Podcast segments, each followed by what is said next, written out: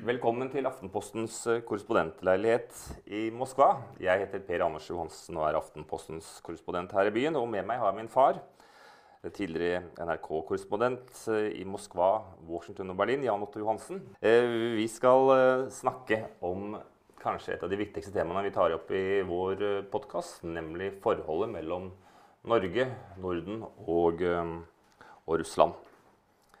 Jeg er jo ofte ute og møter og intervjuer russere fra, liksom, fra Nikkel til eh, Nikkel og Murmansk i nord og helt til Irkutsk og Baikal i Øst-Sibir. Og det som alltid slår meg, er at når jeg eh, forteller at jeg er norsk, at jeg er en nordmann, så møter jeg veldig mye eh, positivitet. Altså, det er som om russerne lyser opp når de hører at de har en nordmann eh, foran seg. Hva er grunnen til at russere flest har et så positivt forhold til eh, Norge, til tross for at vi i årtier hadde den kalde krigen, og nå har to år med et iskaldt forhold mellom øst og vest? Det er en tradisjon for det som går tilbake til Fridtjof Nansen eh, i nyere tid. Eh, Heyerdahl, Tor Heyerdahl. Og russerne de har lest og leser våre klassikere og verdsatte mange av dem mye bedre enn vi gjorde. Eh, det er det ene. Dernest er det en tradisjon for at de skjelnet mellom gode og ikke fullt så gode nordmenn. Mellom nordmenn som var eh, norske patrioter og ville ha et godt forhold til sin nabo i øst, og nordmenn som ble forført av CIA. Og det var jo veldig interessant at for mange år siden da vi hadde uh, den, dette spionflyet. U2, ja. Ja, Som uh, jo landet og tok av på Bodø uten at statsministeren visste om det. Det er jo seg selv. Det var jo en skandale. Uh, så ble det laget et skuespill som het 'Den nordlige Madonna'. Her i Russland, eller Sovjetunionen, ja. Ja, jeg var og så på det mange ganger.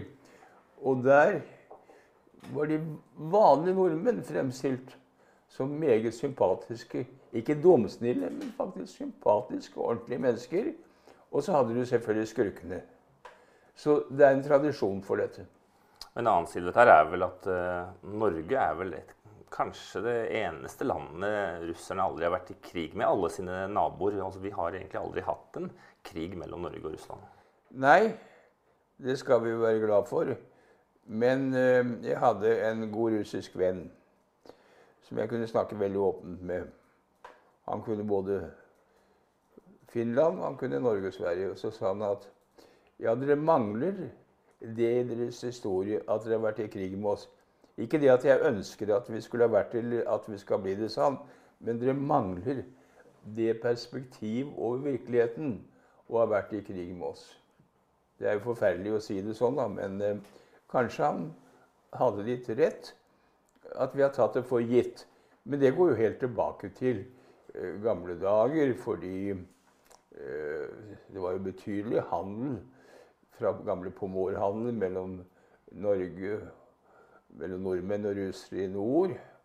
Og russerne glemmer jo ikke at vi var veldig tidlig var de første som anerkjente den sovjetiske regjering. Og på tross av alle de problemene vi har hatt på Bjørnøya og, og, på Svalbard, så har det jo gått veldig bra. Men det aller viktigste, det er jo at da vi endelig bestemte oss for å ikke oppringe hverandres uh, fartøyer, men å samarbeide om å bevare den beste ressurs Norge historisk har hatt og har, nemlig Barentshavstorsken, så er det en suksesshistorie uten like. Det er veldig få eksempler i verden på et så godt samarbeid som har gitt slike resultater. Og det ser vi jo. Flere år på rad så har det vært rekordfiske. Det kan jo gå litt opp og ned av mange forskjellige årsaker, men vi har eksempler på at et fornuftig russisk-norsk samarbeid har gitt resultater som begge kan være fornøyd med. Og oppe i Barentshavet så er jo ikke Når det gjelder fisk og ressurser, er ikke russerne og vi fiender. Vi er motstandere militært og etterretningsmessig. Våre motstandere eller problem, de, det som er våre problemer der oppe, det er jo spanjoler og italienere og til og med islendinger. Det er jo de vi må passe på. Ja. Altså din interesse for uh, Russland og for uh, Sovjetunionen, som jo førte til at du drasset jo med meg og min uh, søsken over hit på 70-tallet. Skal du klage på det også? Ja, det skal jeg klage på. Den skal du få skriftlig. Men det, det førte jo til at altså, Hvor ble den interessen født hos deg? Er det riktig slik jeg forstår, at det henger sammen med at du kom inn på russiskkurset til Forsvarets Nei, det begynte før. Mm. Det begynte da jeg, skulle, da jeg tok geografi og etnografi, det som i dag heter sosialantropologi. Og da hadde jeg Sibirs spesialområde under denne fantastiske professor Guttorm Gjessing. Det var da det begynte. Og så kom jeg inn på språkkurset, som den gang holdt til oppe i Garden. Og der hadde vi en lærer som het Aleksej Pjernov, som hadde vært Eh, sovjetisk krigsfange i Norge og ble her. Han ikke bare lærte oss det, skal vi si, praktisk russisk som vi skulle ha. Vi, var, vi ble jo opplært til å være avhørere. Ikke til å bli spioner, men rett og slett bare avhørere og tolker. Tolker, la oss kall det tolker. Eh, men han fikk oss også til å elske den russiske litteratur de store ly lyrikere. Og eh, mitt forhold til Kaukas, Kaukasus, det våknet jo gjennom hvordan vår lærer lærte oss å lese og elske Lermontov. Jeg kom jo selv aldri inn på Forsvarets uh, russiske kurs. Men jeg syns jo det er et, et, et dilemma da, at veldig mange av de største russlandselskerne og de største russlandske ekspertene våre, som jo faktisk er begeistret for mange sider russisk kultur, de fikk sin interesse, eller de ble interessert og fikk sin begeistring når de altså var i Forsvarets eh, sikkerhets- og etterretningstjeneste. Eh, man skulle tro at de der ble trent opp i å lære seg å passe her for fienden. Jo da, det var jo mange som forsøkte. Det var masse idioter i det systemet. F.eks. Uh, en uh, major Dons, og det er jo ikke en hemmelighet lenger, som mente at um, oberst Evang at han var sovjetisk spion, og fru Evang var kommunist. Det var ingen som Erlend Dulles, som var jo sjef for OSS, og så for CIA, hadde så stor tillit til som Evang. Nordmennene gjorde jo Vesten og USA en enorm tjeneste under kalde krigen med alle installasjonene vi hadde der oppe. Eh, ledningen under, på bånn mellom Spitsbergen og Norge. Alle radiostasjonene og alle som ble sendt inn. Så det, eh, det er den side av saken. Og jeg vil nesten si at eh, der hadde disse folkene fortjent en fredspris. Fordi det bidro til å forhindre misforståelser. Etter krigen har vi jo en helt annen husk, eller etter kalde krigen atskillig skumlere sak. Og da fungerte ikke dette slik det skulle fungere. Jeg tenker på oppskytingen av den vitenskapelige raketten fra Andøya. Ja, Dette var jo en hendelse som fant sted i 1995, og som jo mange nordmenn Hvor sa du? 1995, I januar 1995. Og da skulle man jo skyte opp en forskningsrakett, og så gikk noe galt. Raketten skar av og, og nærmet seg det russiske området. og... Uh, der gikk jo alarmen eh, i Kreml. Uh, man hentet atomkofferten til Jeltsin, og man satte atomubåtene i i beredskap og jo, ga en ti minutters frist. Jo, men vi varslet. Varslingen fungerte fra vår side. Til det russiske utenriksdepartementet.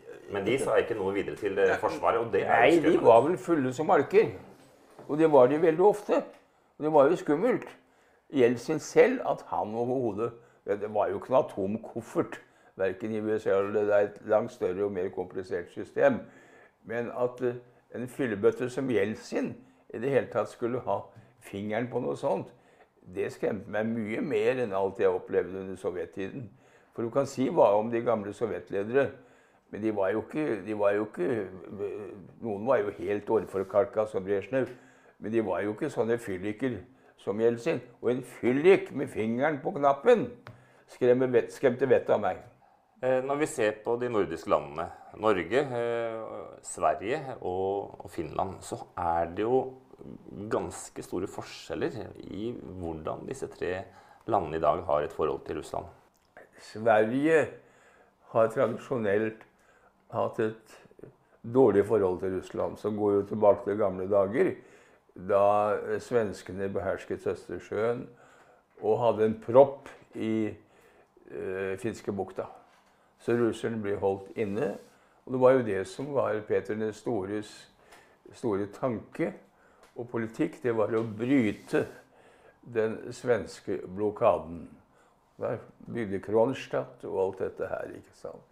Eh, etter det så er forholdet mellom eh, Sverige og Ja, så falt jo eh, Hadde man jo da Karl 12.s nederlag i Poltava. Etter det har forholdet mellom Sverige og Russland aldri vært særlig godt.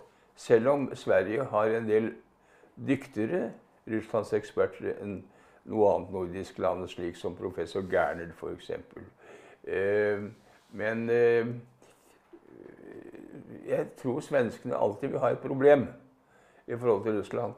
For svenskene de har i bakhodet at de var en stormakt. De var en supermakt i sin tid. Og Russlands fremste motstander her oppe. Ja, nei, Du bør ikke fortelle meg det. Jeg har jo en svensk mor, og vi har jo dratt vår aner skånsk. skånsk ja. og jeg har jo blitt fått høre fra jeg var liten at jeg hadde forfedre som kjempet mot Peter den store og fulgte ja. Karl 12. og ble adlet i kampen. Men det svenskene sier i dag, er jo at det svenske demokratiet ble født den dagen de fikk juling i Poltava. Og at uh, Sverige sånn sett kanskje hadde litt godt av uh, at deres uh, tyranniske og ganske gale konge møtte veggen her i ja, det, det, er et interessant synspunkt som jeg har stor forståelse for. Eh, men vi skal heller ikke glemme at han efterlot seg de såkalte svenskbyene. Svenske landsbyer i Ukraina.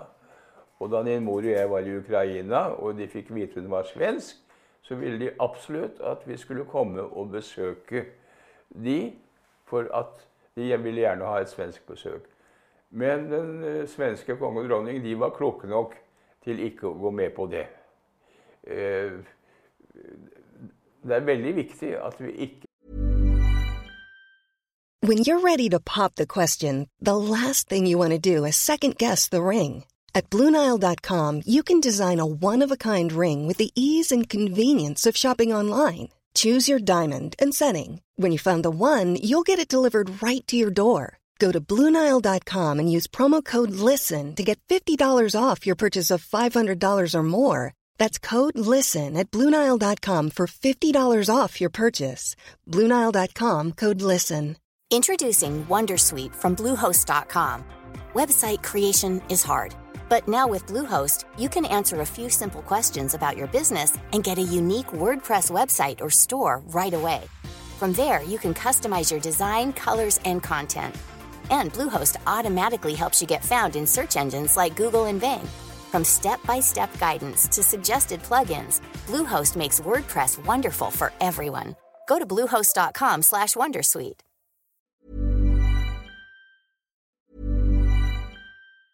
When you're ready to pop the question, the last thing you want to do is second guess the ring. At bluenile.com, you can design a one-of-a-kind ring with the ease and convenience of shopping online. Choose your diamond and setting. When you find the one, you'll get it delivered right to your door. Go to Bluenile.com and use promo code LISTEN to get $50 off your purchase of $500 or more. That's code LISTEN at Bluenile.com for $50 off your purchase.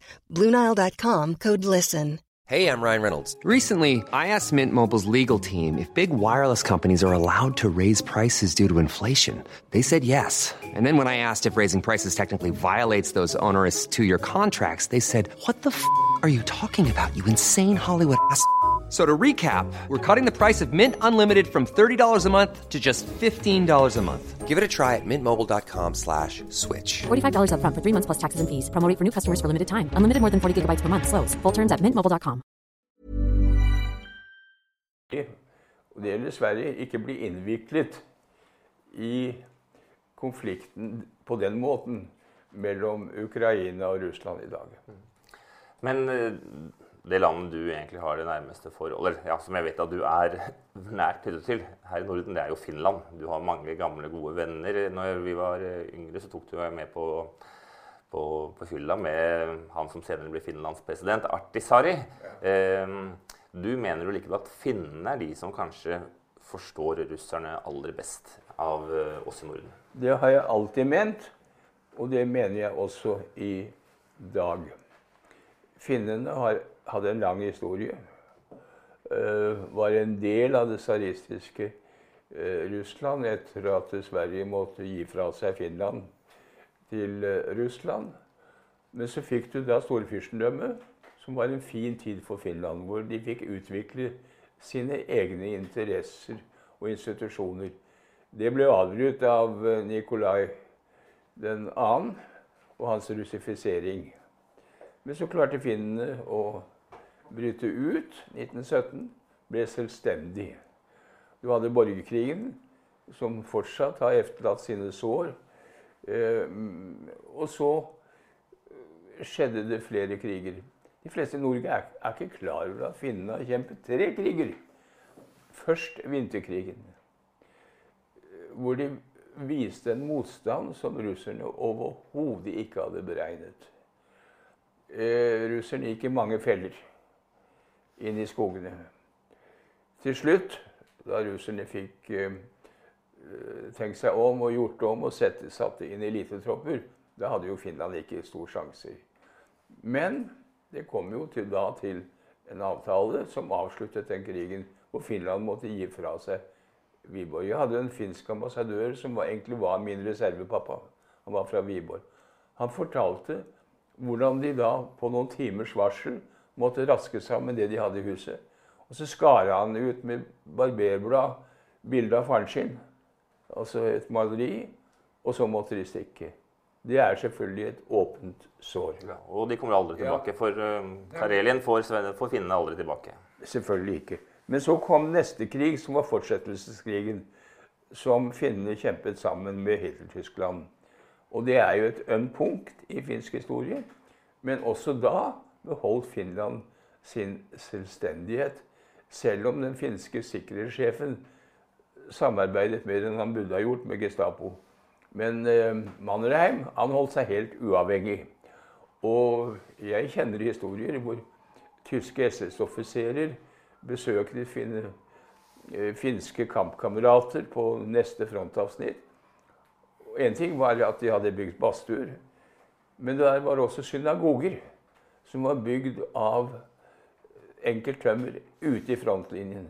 Og det var en overraskende sjokk for SS-folkene at det var faktisk finske jødiske offiserer på høyt plan. De ble beskyttet. Finske statsborgere, jøder fra finske statsborgere ble beskyttet. De som ikke var det, ble dessverre utlevert. Og så kom den tredje krigen, som vi jo ikke vet om. Da forpliktet finnene seg til å kaste tyskerne ut av det nordlige Finland. Og det var også en blodig krig. Men da slapp, fikk veteranene fra de to første kriger hvile. Og da satte de inn unge, utrenede, uprøvede folk.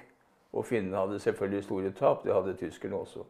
Men vi har glemt det at finnene da jager tyskerne ut av Finland. Tre kriger, tenkte jeg det. Og så fikk du alt det vanskelige etterpå Man hadde finlandisering, som har vært et veldig misforstått uttrykk. Opprinnelig var det ment positivt, men så ble det brukt negativt. Og noen mente til og med at um, Khrusjtsjov var sovjetisk agent Det er det største sprøyt jeg kan tenke meg. Ja, Khrusjtsjov, du mener uh, Ja, unnskyld. Ja. Kekon. Kekon, Kekon ja. Um, han lurte russerne flere ganger. For det første reiste han da til Lartu i Estland og holdt en svær tale på estnisk. Det likte ikke, det likte ikke russerne på noen måte. Så anerkjente Finland DDR.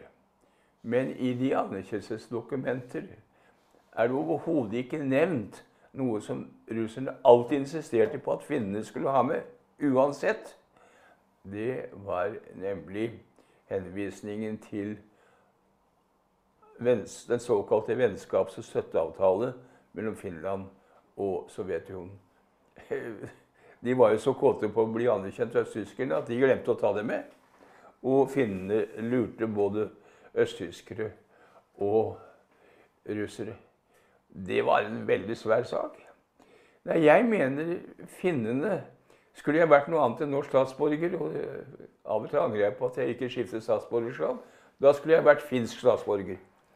Ja, da hadde jeg vært halvfinn og halvsvensk. Jeg hadde vært en smørje. Det hadde vært en bastard. Eh, men poenget er ganske enkelt. da.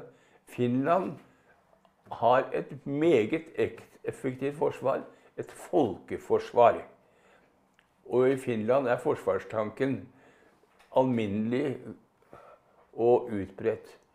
Dessuten finnene har vært fryktelig smarte. Eh, det, tok, det, tar veldig lang tid før finnene faktisk eh, får tillit til deg.